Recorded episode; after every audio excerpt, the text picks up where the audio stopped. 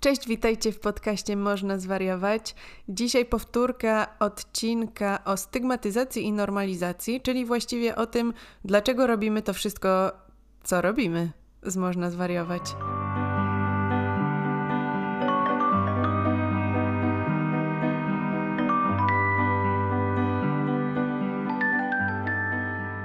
Może powiedz, Kleo, skąd w ogóle y, nasz pomysł na ten odcinek? No bo to jest trochę tak jakby oczywiste, że jako można zwariować y, się tym zajmujemy, ale tak właściwie dlaczego musimy? No właśnie, bo trochę już poszłyśmy dalej zajmować się innymi rzeczami.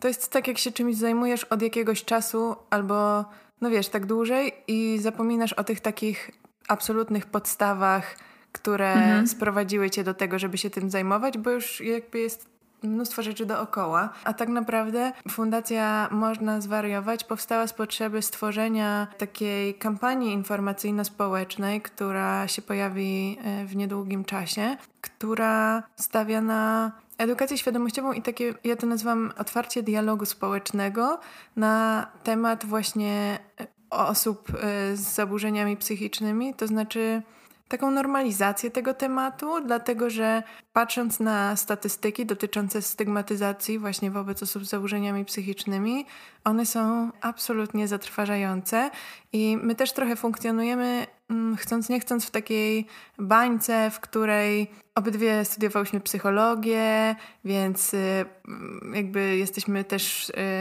wokół osób, które mają pewną świadomość. Też mhm. Mm, jakoś, nie wiem, mam wrażenie, że wokół osób może trochę bardziej z takiej, nie chcę powiedzieć lewackiej, ale... Myślę, że to trafne. E, no to może w takim razie z osób z lewackiej bańki, taki trochę może bardziej otwartych. I zapominamy o tym, jak to właściwie jest z tą taką stygmatyzacją najbardziej hardkorową, bo też już jej nie doświadczamy albo nie mamy jej tak blisko wokół siebie i ja wtedy zawsze mhm. sobie przypominam to, co mnie skłoniło do tego, żeby coś zrobić, to to, jak byłam e, na oddziale w szpitalu na Sobieskiego i byłam chyba jedynym, bo to było oddział dzieci i młodzieży, więc byłam y, chyba jedyną osobą, która nie kombinowała, jak się wytłumaczyć kolegom, koleżankom w szkole, jak się wytłumaczyć osobom innym jakby ze świata poza szpitalem, poza rodziną, z tego, gdzie jestem. I słyszałam najróżniejsze rzeczy, od tego, jak te dzieciaki wymyślają, po to, jak ci rodzice mówią, tak, ze szkołą to już jest załatwione, tam powiedzieliśmy, że ta osoba musiała tam wyjechać gdzieś, pomóc rodzinie, coś tam, wiesz, że po prostu było tyle zachodu z wymyślaniem tego, jak to ukryć. I tak sobie pomyślałam, że w mojej głowie tego w ogóle nie ma. To nie była w ogóle jakaś taka rzecz pierwszej potrzeby, żeby nawet wymyślić, co komuś powiedzieć, bo no też nie wiem, moje myślenie jest jakieś takie bardzo prostolinijne i jakby nie pomyślałabym nawet o tym, żeby komuś ściemniać, bo nie widziałam w tym jak, jakiejś ujmy, e, do jakiego szpitala trafiłam. W mojej rodzinie też już to funkcjonowało, bo tak jak mówiłam, moja siostra trafiła do tych szpitali, więc to było po prostu jakaś forma zadbania o siebie, leczenia. Jak potrzebujesz pomocy z jakąś formą zaburzenia zdrowotnego, to po prostu idziesz do szpitala, który się tym zajmuje, albo do lekarza, mhm. który się tym zajmuje, niezależnie niezależnie od tego, czy to jest psychiatra, czy to jest onkolog, czy to jest kardiolog. Jasne. I... Natomiast no, myślę, że, że to jest bardzo głęboko zakorzenione w naszej kulturze i w naszym jakby postrzeganiu mm, tych instytucji psychiatrycznych, tak, placówek, szpitali i tak dalej, ponieważ no głównie jakie mamy wspomnienia z przeciągu, nie wiem, ostatnich stu lat? Filmy, które ukazują szpital psychiatryczny jako... To znaczy w ogóle z przeciągu ostatnich stu lat to ja bym w ogóle zaczęła od azyli, mhm. E, nie szpitali, tylko azyli, w których osoby z jakimiś psychotycznymi zaburzeniami były po prostu całkowicie izolowane i w którym ich e, stan się tylko pogarszał. W ciągu ostatnich stu lat to też bym w ogóle zaczęła od eksterminacji, którą przypuścił Hitler, nie? Tak, też o tym pomyślałam. Tak samo jak Hitler nienawidził Żydów, tak samo nienawidział osób chorujących psychicznie, bo uważał, że są zupełnie, nie wiem, niepotrzebne wartościowe dla społeczeństwa. Wręcz e, są jakimś kosztem, trzeba ich utrzymywać. Natomiast no też powiedzmy sobie szczerze, nie było wtedy tak rozwiniętej medycyny, żeby takim osobom jakoś realnie pomóc. Natomiast no oczywiście nie jest to jednoznaczne z tym, że trzeba było ich eksterminować. Ale widzisz, i tak teraz jak rozmawiamy o tych osobach z czasów Hitlera jako o osobach, którymi się trzeba było zajmować, które trzeba było utrzymywać, albo które się zamykało w azylach, bo nie były w stanie funkcjonować samodzielnie w społeczeństwie. Tak, patrząc na obecną ustawę w Polsce, ustawę o ochronie zdrowia psychicznego, tam nie ma zdefiniowanej, zdefiniowanego terminu choroby psychicznej i właśnie sobie zapisałam, że to jest w ogóle ustawa z 94 roku i pod terminem choroba psychiczna rozumie się osobę wykazującą zaburzenia psychotyczne, osobę upośledzoną umysłowo, osobę wykazującą inne zakłócenia czynności psychicznych. No, czyli jak wiele, wiele przykładów w naszym prawodawstwie, jest to wszystko bardzo na poziomie ogółu, co oczywiście utrudnia interpretację. Natomiast no, mamy też oczywiście klasyfikacje diagnostyczne. E, w Polsce obowiązuje ICD-10 obecnie. E, jest to klasyfikacja przygotowana przez WHO. Natomiast e, odnosząc się jeszcze do tej ustawy, to faktycznie no, z nią jest ogólnie duży problem, bo oczywiście tam z niej wynika, że każdy w Polsce ma prawo do ochrony zdrowia psychicznego, co oznacza tyle, że nie trzeba być ubezpieczonym w ZUS, nie trzeba mm, właśnie, nie wiem, pracować czy być e, ubezpieczonym przez kogoś z rodziny, żeby otrzymać taką pomoc. I faktycznie jak byłam na oddziale, na stażu na oddziale dziennym, to też się z tym spotkałam, że, że osoby były nieubezpieczone, były bezrobotne, ale też nie miały renty, tak, nie miały nic jakby zagwarantowanego od państwa i, i w tym momencie mogły, mogły się leczyć, mogły też e, uzyskać recepty, więc no, na tym poziomie to funkcjonuje, natomiast oczywiście możemy mieć duże wątpliwości co do dostępności tej opieki. No właśnie, bo prawdopodobnie trafiły tam po półrocznym oczekiwaniu. Mój znajomy teraz y, szukał dla siebie miejsca, do którego mógłby pójść. Powiedział mi, że szpitale w Warszawie i okolicach są wypełnione w 110% Klasyk. i czas oczekiwania to jest 3 do 6 miesięcy. Więc on sobie mógł zaklepać gdzieś tam miejsce, gdzieś tam wiesz. No ale to jest i tak na za jakiś czas. A zazwyczaj, jeśli chodzi o osoby, które szukają pomocy już w szpitalu psychiatrycznym, no to zazwyczaj są osoby, które potrzebują natychmiastowej pomocy jednak. To są totalnie nagłe przypadki, nie? Dokładnie, więc te 3 do 6 miesięcy może tak naprawdę zaważyć na ich życiu. I jak wiemy z doświadczenia, tak się właśnie zdarza. Ja mam takie doświadczenie właśnie z oddziału dziennego, które dla mnie było, może to jest zaskakujące, ale było bardzo pozytywnym doświadczeniem, ponieważ oddział dzienny tyle różni się od oddziału zamkniętego, że faktycznie jest tam jakiś tryb dnia i, i są zajęcia, tak? Czyli w każdy tam, akurat tam gdzie ja byłam, były takie bloki zajęciowe 45 minut i półgodzinna przerwa. Może to nie jest jakieś super intuicyjne, no ale faktycznie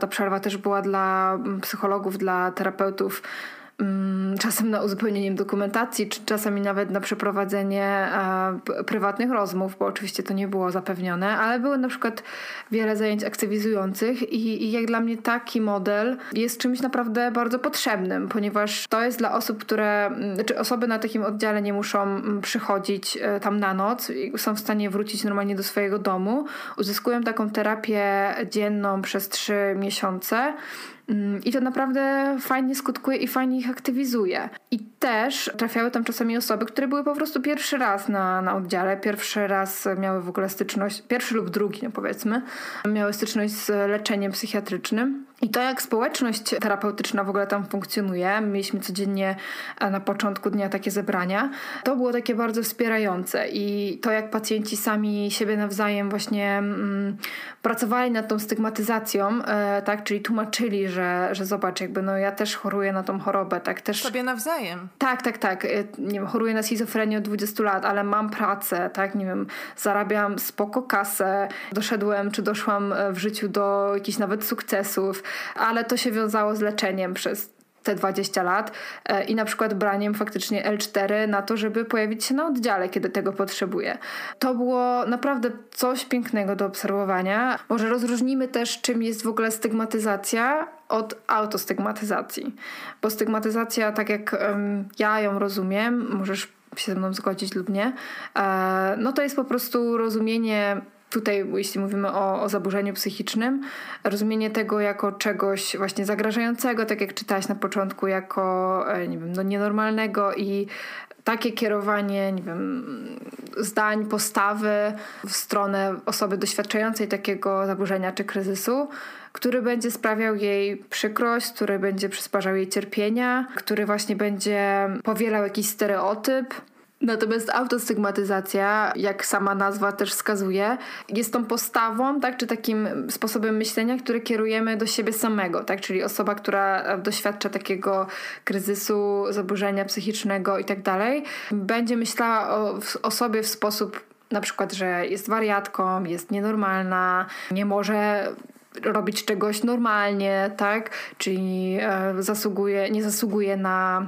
powiedzmy normalną pracę czy normalne nie wiem, relacje. Będzie po prostu cały czas podważała swoją wartość przez pryzmat tego, jaką ma diagnozę. E, I to jest w ogóle ogromna część. Oczywiście to jest coś, z czym się zmaga wiele pacjentów na, na początku, czy może, może nawet przez całe życie. I też wiąże się z, taką, z takim nawet strachem, czy taką dyskryminacją samego siebie ze względu na to zaburzenie to też sprawia, że osoby y, mniej chętnie sięgają po pomoc, czyli uważają też na przykład tak są w stanie podkopać samego siebie, że, że nawet nie są w stanie zwrócić się po tą pomoc, na przykład właśnie do szpitala czy do psychologa. I też jest takie, takie przekonanie, i to nawet e, statystyki tej badania mówią, że 74% pacjentów wierzy, że będą dyskryminowani ze, ze względu na tą chorobę. Czyli na przykład mm, jeśli szukają pracy, tak, czy kontynuują naukę, to mogą odwlekać to, to zwracanie się po pomoc, ponieważ boją się tych negatywnych konsekwencji, tego właśnie jak to będzie postrzegane. Czyli to się bardzo jakby spójnie łączy z tym, co, o czym powiedziałaś odnośnie twojego doświadczenia jeszcze jako uczennica, tak, w szpitalu. No tak, ale widzisz, czyli ta autostygmatyzacja w dużej mierze wynika ze stygmatyzacji obecnej w społeczeństwie, no nie? Jasne. Bo to są lęki wobec tego, co pomyślą inni albo co zrobią inni w związku z tym, no nie? Mhm. Jak będę odebrana i tak dalej. To też jest coś, z czym w fundacji się spotykamy tak naprawdę na co dzień. Czy osoby do nas piszą, mówiąc o tym, Dzięki, że o tym mówicie, bo nie sądziłam, że ktokolwiek inny też tak ma. To jest po prostu wiadomość na porządku dziennym, tak naprawdę. Wracając właśnie do tej antydyskryminacji i antystygmatyzacji, to w dużej mierze to jest po prostu potrzeba normalizacji, która umożliwi osobom sięganie po pomoc i dostęp do pomocy taki sam jak do wszystkich innych lekarzy i trochę uniknięcie tego takiego właśnie poczucia, że to jest coś dziwnego albo że to jest coś innego. Tak, wiesz, jakby myślę, że dostęp do lekarzy to jedno, ale mm, no nadal nawet jeśli ten dostęp będzie, ale będziemy to robić po cichu, to to chyba za dużo nam nie zmieni, no bo e, nawet wiesz, jeśli z, z, mojego przykładu, jak pracowałam w firmie, mm, no w korporacji, zespół, tak, gdzie już pracowało, nie wiem, no tam kilkanaście osób, mieliśmy jakieś tam swoje, swoje takie wydzielone pomieszczenie na open space, e, wszyscy są wykształceni, tak, wszyscy super przepięknie ubrani, elegancko, i, i co nie tylko, ale komentarze pod tytułem um, ta klientka to jest jakaś wariatka, e, ona ma jakąś schizofrenię, były, no może nie na porządku dziennym, ale zdarzało mi się usłyszeć to kilka razy. U mnie w pracy tak samo. I, i wiesz, i, i, przy, i przypuśćmy, że, że ja tutaj siedzę i, i, i nie wiem, mam takie podejrzenie tej choroby, albo może mam taką diagnozę. Oczywiście nie mam, ale mówię jakby jako hipotetyczna pracownica e, tej firmy. E, no to jak bym się poczuła? Poczułabym się po prostu tak, że nie, ma, nie mogę o tym powiedzieć. Automatycznie pojawia się wstyd, pojawia się takie uczucie, że chcesz zapaść się pod ziemię, chcesz się zizolować, żeby nikt się o tym nie dowiedział.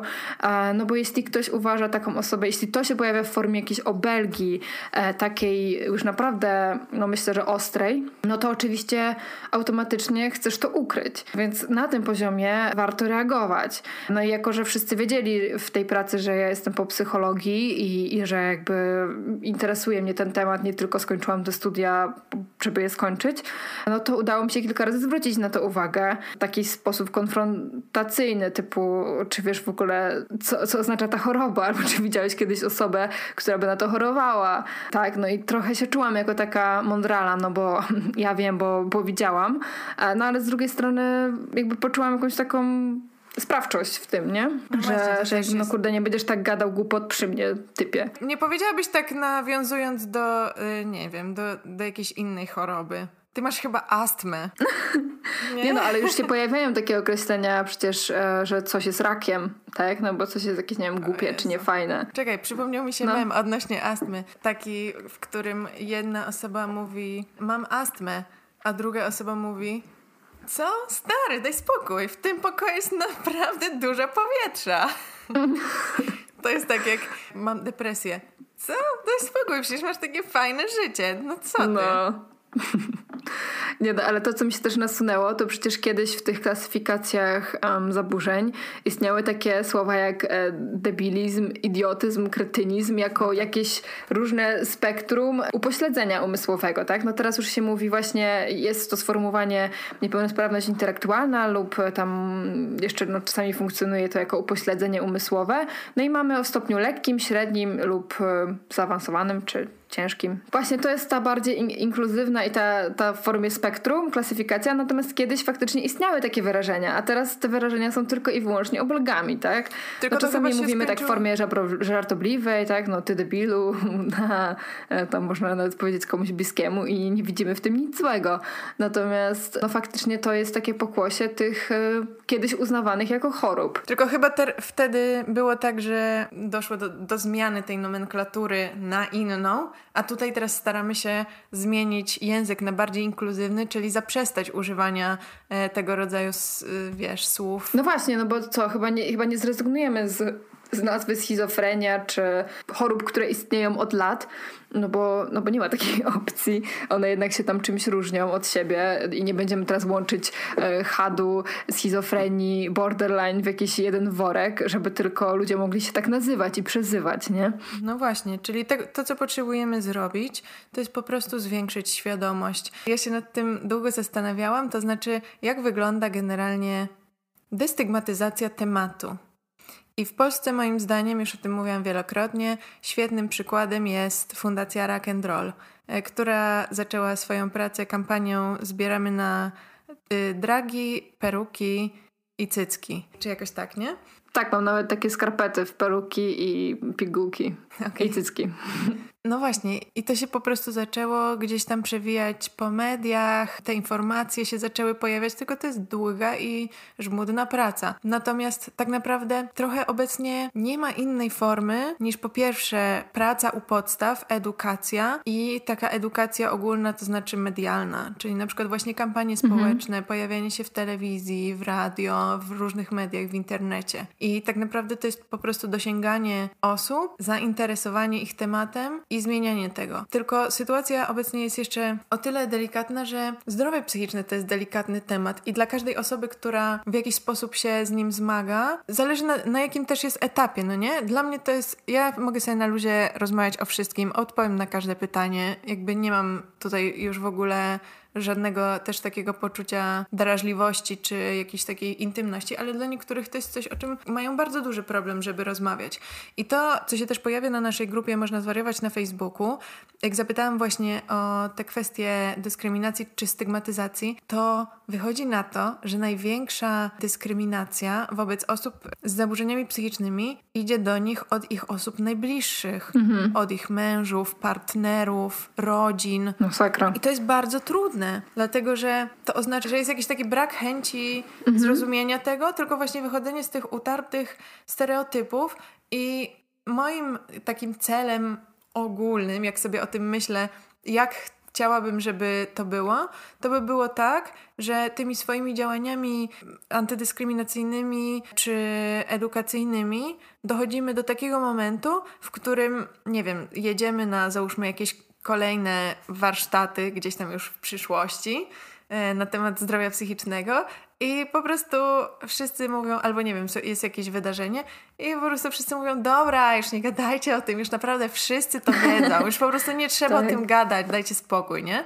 I mam wrażenie, że trochę e, na takim etapie jest teraz rock and roll, ale to po ilu latach istnienia, że rak piersi już naprawdę nie jest żadnym tabu, że to jest coś postrzegane jako po prostu no, choroba, która wymaga takiego samego leczenia jak e, każda inna. I mam nadzieję, że tak będzie też z zaburzeniami psychicznymi. Że ktoś nas po prostu wygwiżdża i powie, dobra, dajcie już spokój i my sobie pojedziemy do domu i pomyślimy, o, co teraz zrobić z naszym życiem?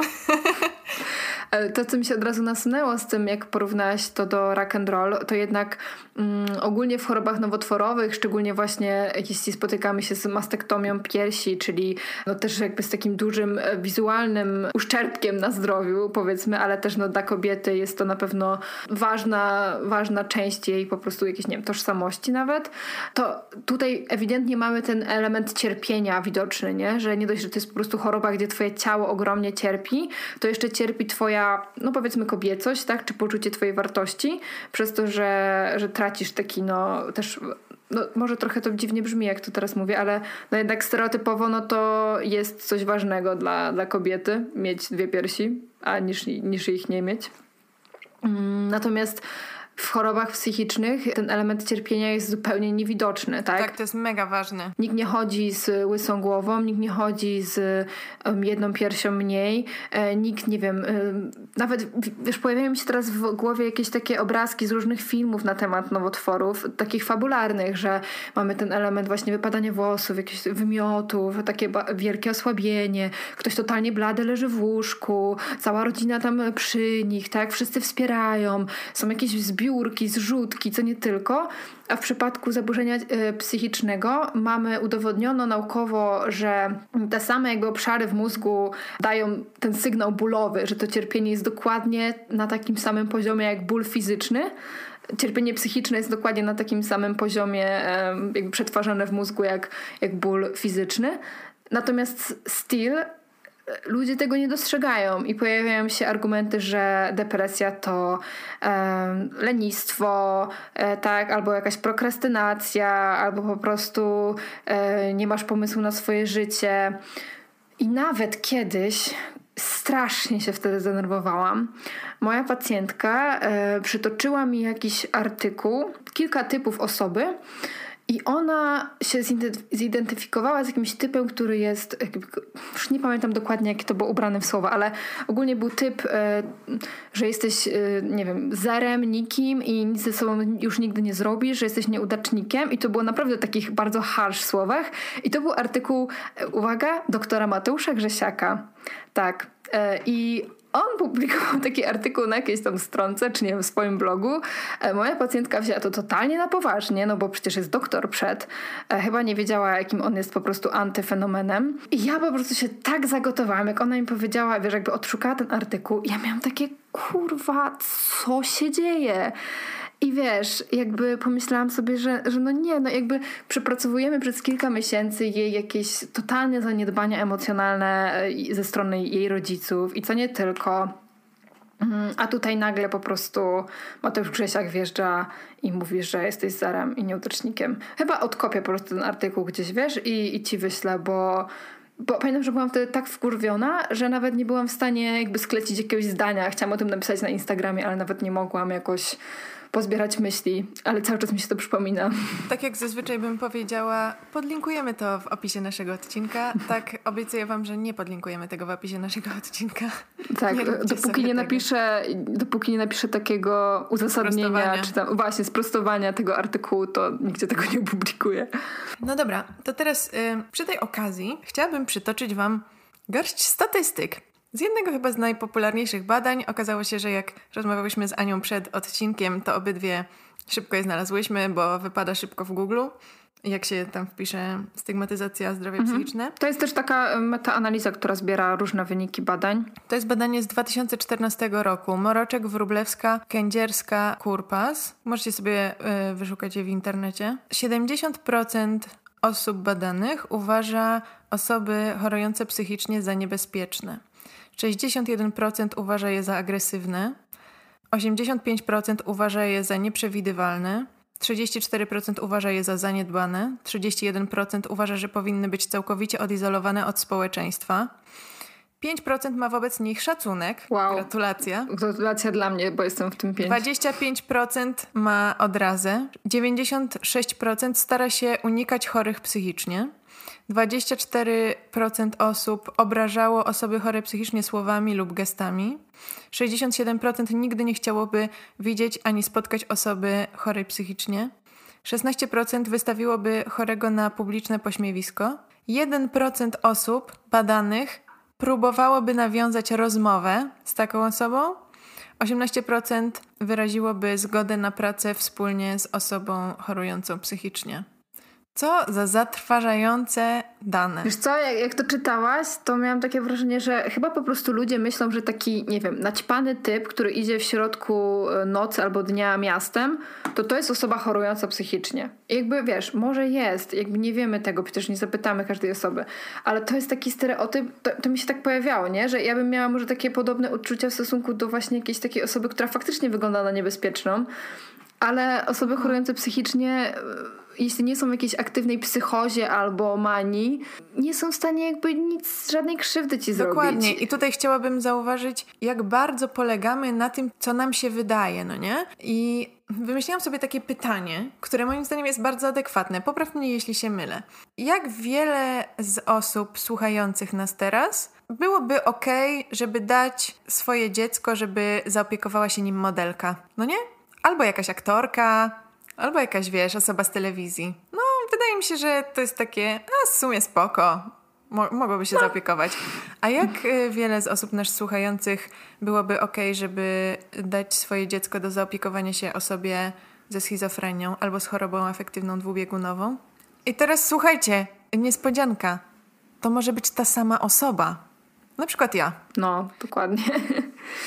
No, przyjmijmy jeszcze, że te osoby bardzo często mają rodziny i swoje dzieci. Wiesz, odnoszę takie bardzo silne wrażenie, że na przykład fakt, że pracuję jako modelka i ludzie widzą tylko gdzieś moje zdjęcia albo jakieś, wiesz, takie krótkie wypowiedzi, czy nawet, a nawet tylko zdjęcia mojej twarzy w różnych miejscach daje mi jakiś taki automatycznie ogromny kredyt zaufania, który jest zupełnie bezpodstawny. Mhm. No tak, no bo jesteś osobą publiczną, tak jak który nie, jest że... całkowicie bezpodstawny. Mogę być jednocześnie modelką i jakąś, wiesz, no, nie wiem, jakąś niebezpieczną osobą albo coś. No tak samo aktorzy, jakieś właśnie osoby publiczne. Dajemy im bezpodstawny kredyt zaufania, bo nam się wydaje, że są spoko, albo widzieliśmy ich w filmach, więc muszą być ok, albo coś takiego. A jednocześnie osobom z zaburzeniami psychicznymi absolutnie odbieramy ten kredyt, chociaż tak. właśnie tak jak mówię, to może być ta sama jedna osoba, na przykład ja. No bo utożsamiamy te zaburzenia jako niebezpieczne z takich perspektywy właśnie, że są jakieś doniesienia medialne, że ktoś się leczył psychiatrycznie, ma podejrzenie choroby psychiatrycznej.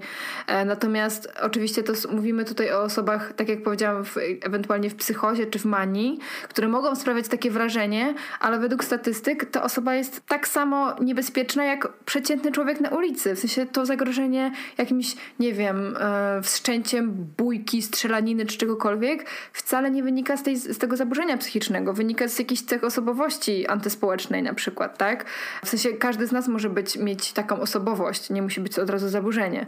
To po prostu się jakoś wykształca i jest to oczywiście mnóstwo czynników. Natomiast wiesz, jakby mam mikrofon teraz położony na podręczniku psychopa psychopatologia mm, i jakbyśmy sobie przejrzały teraz ten podręcznik, to tam mamy takie zaburzenia jak e, zaburzenia lękowe, tak, w co wchodzi OCD, fobia społeczna, agorafobia, fobia, lęk uogólniony, mamy zaburzenia odżywiania, mamy różne rodzaje depresji, e, e, choroba dwubiegunowa, mamy schizofrenię, ale to, to jest po prostu cała masa różnych zaburzeń, tak? Jakiś stres pourazowy. E, mogłam tak wymieniać, nawet nie otworzę tej książki, bo jest na niej mikrofon. I w większości w nich nie ma żadnego niebezpieczeństwa, nie? Ja myślę, że warto zaznaczyć, że z moich obserwacji doświadczeń z osobami. Nie wiem, nie chcę tak rzucać jakąś statystyką typu 99% albo coś takiego, ale wydaje mi się, że duża większość osób, które zmagają się z zaburzeniami psychicznymi, to są osoby po prostu bardzo ponadprzeciętnie wrażliwe i odbierające Jasne. świat trochę bardziej i trochę inaczej.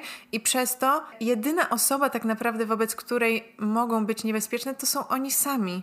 I bardzo często nie ma w nich nic z agresji do świata, ale jednocześnie to wszystko kierują wobec siebie samych. Dokładnie. I to jest w mnóstwie zaburzeń, są takie motywy takiego samosabotażu, tak? czy jakiegoś ogromnego krytycyzmu w stosunku do siebie, co jeszcze bardziej oczywiście pogłębia um, stan takiej osoby. Mm, ale też to, co mi się nasunęło, to jeśli już byśmy się uczepili tej, e, na przykład tej schizofrenii, tak? która się wydaje no taka niebezpieczna, bo ktoś, nie wiem, gada do siebie. No wow. Się na mnie to nie robi żadnego wrażenia, no ale okej. Okay. Statystyki mówią, że 1% społeczeństwa może chorować na schizofrenię. Wiadomo, że też no, to jest około, tak? Nie, nie jesteśmy zbadać, przecież nie jesteśmy w stanie zbadać każdego. No to jak sobie pomyślałam kiedyś, że 1% to w sumie mało. No ale z drugiej strony to jest 1 na 100 osób, nie? I masz na fejsie pewnie, no ja mam na Facebooku około, nie wiem, 500 znajomych, 600, nie wiem, powiedzmy, że około tyle, nie? Czyli 6 czy 5 z tych osu- osób z moich znajomych statystycznie powinno chorować na schizofrenię. To jest totalnie możliwe. Natomiast ja z tych znajomych nie wiem o tym, nie? Nie wiem. Nikt z moich znajomych, oprócz, oczywiście moi znajomi, nie, nie mam pacjentów znajomych, e, więc jakby nie mam wśród znajomych takiej osoby, która by o tym mówiła publicznie, ale statystycznie jest to bardzo prawdopodobne. I, i teraz co, czy ja powinnam... E, nie wiem, czy, czy jeśli, jeśli by umieszczała jakieś, nie wiem, śmieszne memy o schizofrenii albo o tym, że ktoś jest niebezpieczny, bo gada do siebie, no to taka osoba to zobaczy po prostu, nie? Że, że te osoby funkcjonują w naszym społeczeństwie.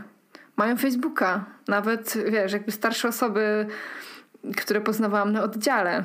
To, z czym chyba wychodzimy jako taki zaczątek samej e, kampanii, czyli pierwsza nasza kampania społeczna, odnosi się właśnie do, do tej takiej powszechności, bo ciągle mamy taki podział funkcjonujący na my i oni. No nie, że to są zawsze oni chorzy psychicznie, a jednocześnie badania pokazują, już pomijając to, że depresja niedługo będzie pierwszą przyczyną zgonów na świecie, to to, że w Polsce tak naprawdę co czwarta osoba będzie miała jakiś rodzaj kryzysu psychicznego, zaburzeń tak. psychicznych. Zobaczcie, to jest jedna czwarta. To jest, jak siedzicie, jak macie czteroosobową rodzinę, to jest jedna osoba z was.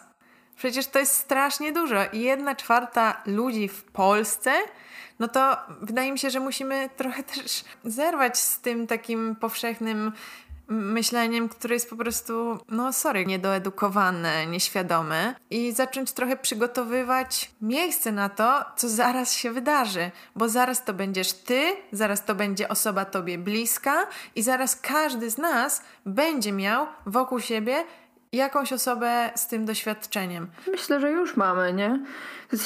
O tym się głośno nie mówi, ale myślę, że wiele osób y, po prostu przyjmuje jakieś leki od psychiatry, czy, czy nawet, nie wiem, przepisywane od y, lekarza rodzinnego i po prostu gdzieś o tym nie mówi. Ale dlaczego mówię o tym, że musimy zacząć się przygotowywać do tego?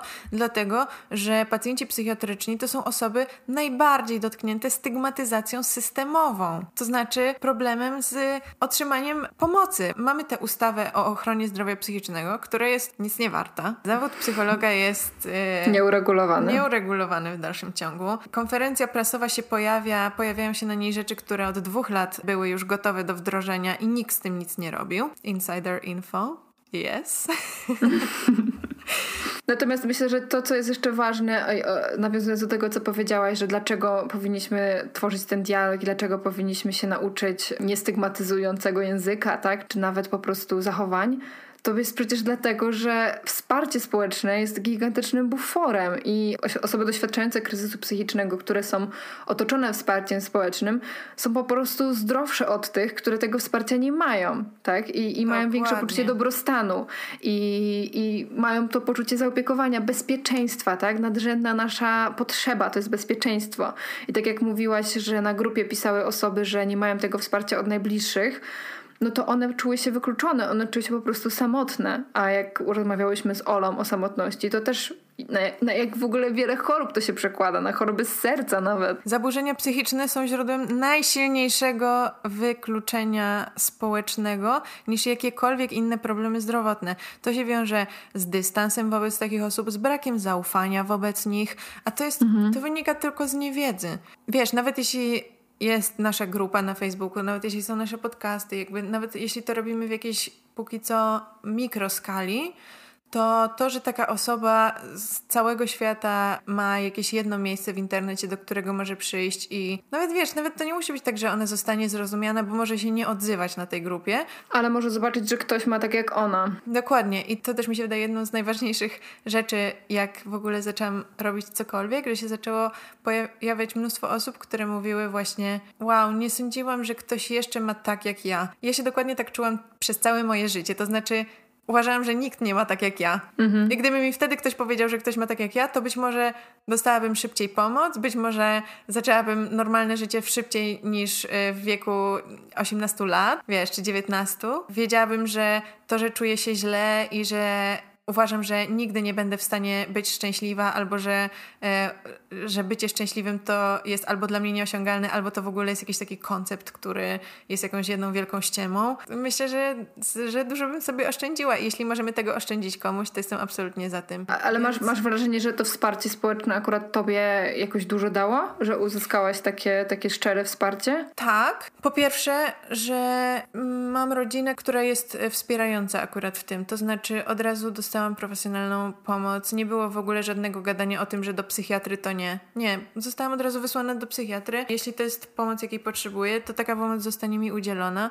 a to najbliższe otoczenie tak naprawdę ma największe znaczenie. A później, no nie wiem, właśnie chyba też to jest kwestia mojej bezpośredniości albo takiej awkwardness w tym, że nie wiem o czym się powinno mówić, a o czym się nie powinno mówić. To chyba wynika z, ze spektrum chyba, nie? I, I to, że mówiłam o tych rzeczach jakoś tak nie wiem, no, od... no po prostu wiesz, to tak jakby cię ktoś zapytał, ej, a gdzie byłaś, jak cię nie było trzy tygodnie? No, że byłam w psychiatryku, no bo a gdzie indziej mia miałabym powiedzieć, że byłam?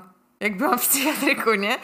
Więc y, jak, jakiś miałam taki luz i chyba też, chyba też to był moment, że zaczęłam trafiać na właściwe osoby, bo jak jednak trafiłam do mojej psycholożki po szpitalu i mówiła mi o tym, że widzę, że mam duże trudności w nawiązywaniu jakichś takich relacji społecznych i kompletnie nie umiem tak tego wska wskazać, co robię nie tak, a już naprawdę zdążyłam wtedy przeanalizować cały świat wokół mnie i wiesz, i być może byłam w stanie rejestrować, jak wyglądają pożądane i akceptowalne zachowania, ale w moje wdrażanie ich w życie było tak strasznie awkward, niezręczne i po prostu nieporadne, że to kompletnie nie działało. I ona mi powiedziała, no być może nie trafiłaś jeszcze na właściwe osoby. I ja się wtedy wkurzyłam i pomyślałam, co? Mam 18 lat, wszyscy już mają, wiesz, best friends forever od podstawówki, a ja po prostu what the fuck. No i co? Okazało się, że po prostu nie trafiałam na właściwe osoby. Nie musicie mieć przyjaciół z podstawówki. To jest w ogóle jakiś hoax i jakiś w ogóle totalny... Sorry, że znowu tak po prostu po angielsku i po angielsku. Nie musicie mieć przyjaciół z podstawówki. To jest... Y jakiś koncept, y, który o niczym nie świadczy. To nie jest tak, że w podstawówce trafiacie na przeznaczone sobie osoby. Ja mam wszystkich moich przyjaciół z dużo, dużo późniejszego czasu i to są w ogóle super osoby i pozdrawiam Was.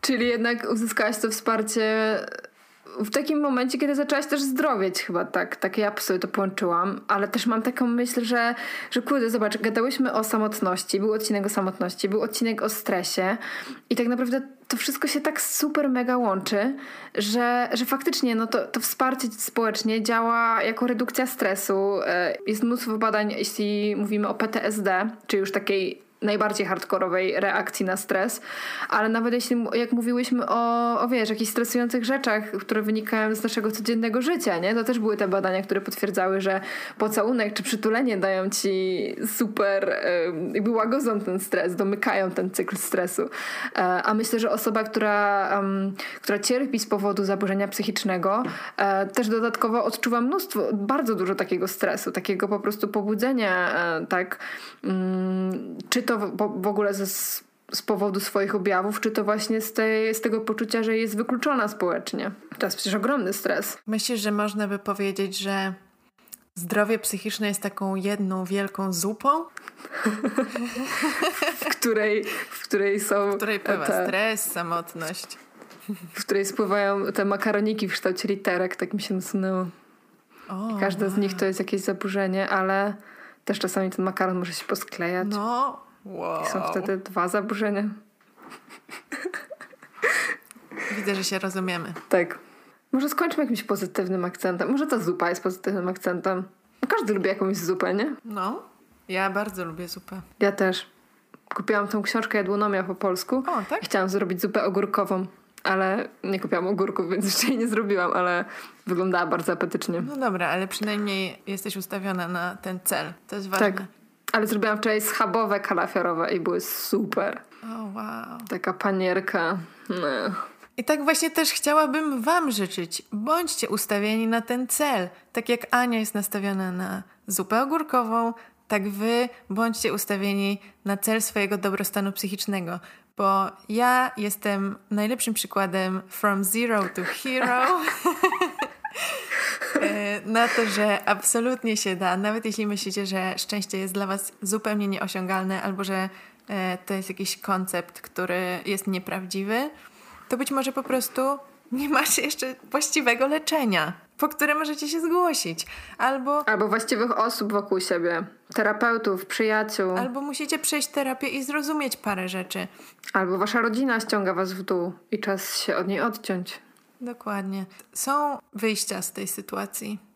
Tylko musicie po prostu najpierw. Wiesz, wydaje mi się, że w ogóle totalny początek do każdego leczenia, takiego prawdziwego, nie takiego, że po prostu chodzisz tam co tydzień, ale tak naprawdę nic nie robisz na tej terapii czy gdzieś, to prawdziwym takim początkiem do leczenia jest postanowienie o tym, że chcesz coś zmienić i że to może być niewygodne Tak. i że może być tak, że będziesz musiał, musiała mówić rzeczy, które ciężko ci przechodzą przez gardło albo są jakieś takie trudne do powiedzenia. Że będziesz płakać na każdej sesji? Ja płaczę na każdej sesji. Kurde, a jestem zdrowa, nie? Do swoich pacjentów?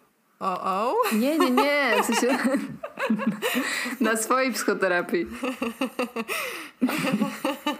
Ale czasami też się wzruszam, jak ktoś mówi coś bardzo takiego przykrego, albo wiesz, jak ktoś płacze przy mnie już którąś tam dziesiątą minutę, no to, no to też się wzruszam. To było w ogóle coś, czego się bardzo obawiałam na początku i no, że, że to będzie jakaś moja słabość, ale moja psychoterapeutka mówi dziesiątki razy to, no jest pani po prostu wrażliwa. Czyli twoja słabość to twoja siła. Tak. I teraz Brené Brown bije brawo, bo ona napisała książkę z wielką odwagą i ona uważa, że wrażliwość to jest odwaga. Yo. I tym optymistycznym akcentem zakończmy ten odcinek. Mam wrażenie, że powiedziałyśmy wam już dużo takich słów wsparcia Otuchy. i pozytywnych, żeby was zachęcić do tego dbania o siebie, bo Jezu, już e, po prostu mówiłam to w kilku odcinkach, ale naprawdę musicie zadbać o siebie przede wszystkim. Wy jesteście ze sobą całe życie. Trzeba dojść po prostu do takiego momentu, kiedy się siebie lubi i nie ma w tym nic dziwnego, Tak. nie?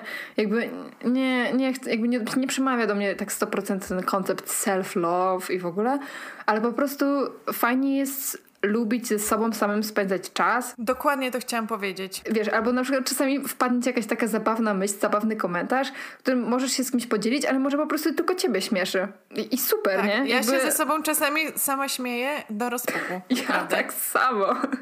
Ja uważam, że jestem naprawdę najśmieszniejszą osobą dla mnie, no bo, no bo ja, mnie Jezu, zawsze ja śmieszy też. mój żart, nie? A jakby jeśli ktoś go dokładnie. nie zczai, no to jest jego problem. Dokładnie. Ja, ja myślę dokładnie tak samo. Cieszę się, że się w tym zgadzamy. Bądź własnym przyjacielem dla samego siebie. Jeśli wasze otoczenie nie jest wam przyjazne, to albo je zmieńcie, albo jeśli nie możecie go zmienić, po prostu wpadnijcie do nas na grupę Można Zwariować, która jest bezpiecznym miejscem, w którym zawsze możecie o wszystkim pogadać i bardzo tego pilnujemy, żeby takie było, ale też nawet nie musimy za bardzo pilnować, bo tam wszystkie osoby są w ogóle miłe i Tak, takie opiekujące i dbające o to. Ja nigdy nie musiałam jeszcze nikogo zbanować za, za cokolwiek innego niż reklama. I pamiętajcie, że w 2021 roku stygmatyzacja jest bardzo pas i bardzo Źle widziana. don't do it. W 2021 roku jedyne co można, to można zwariować.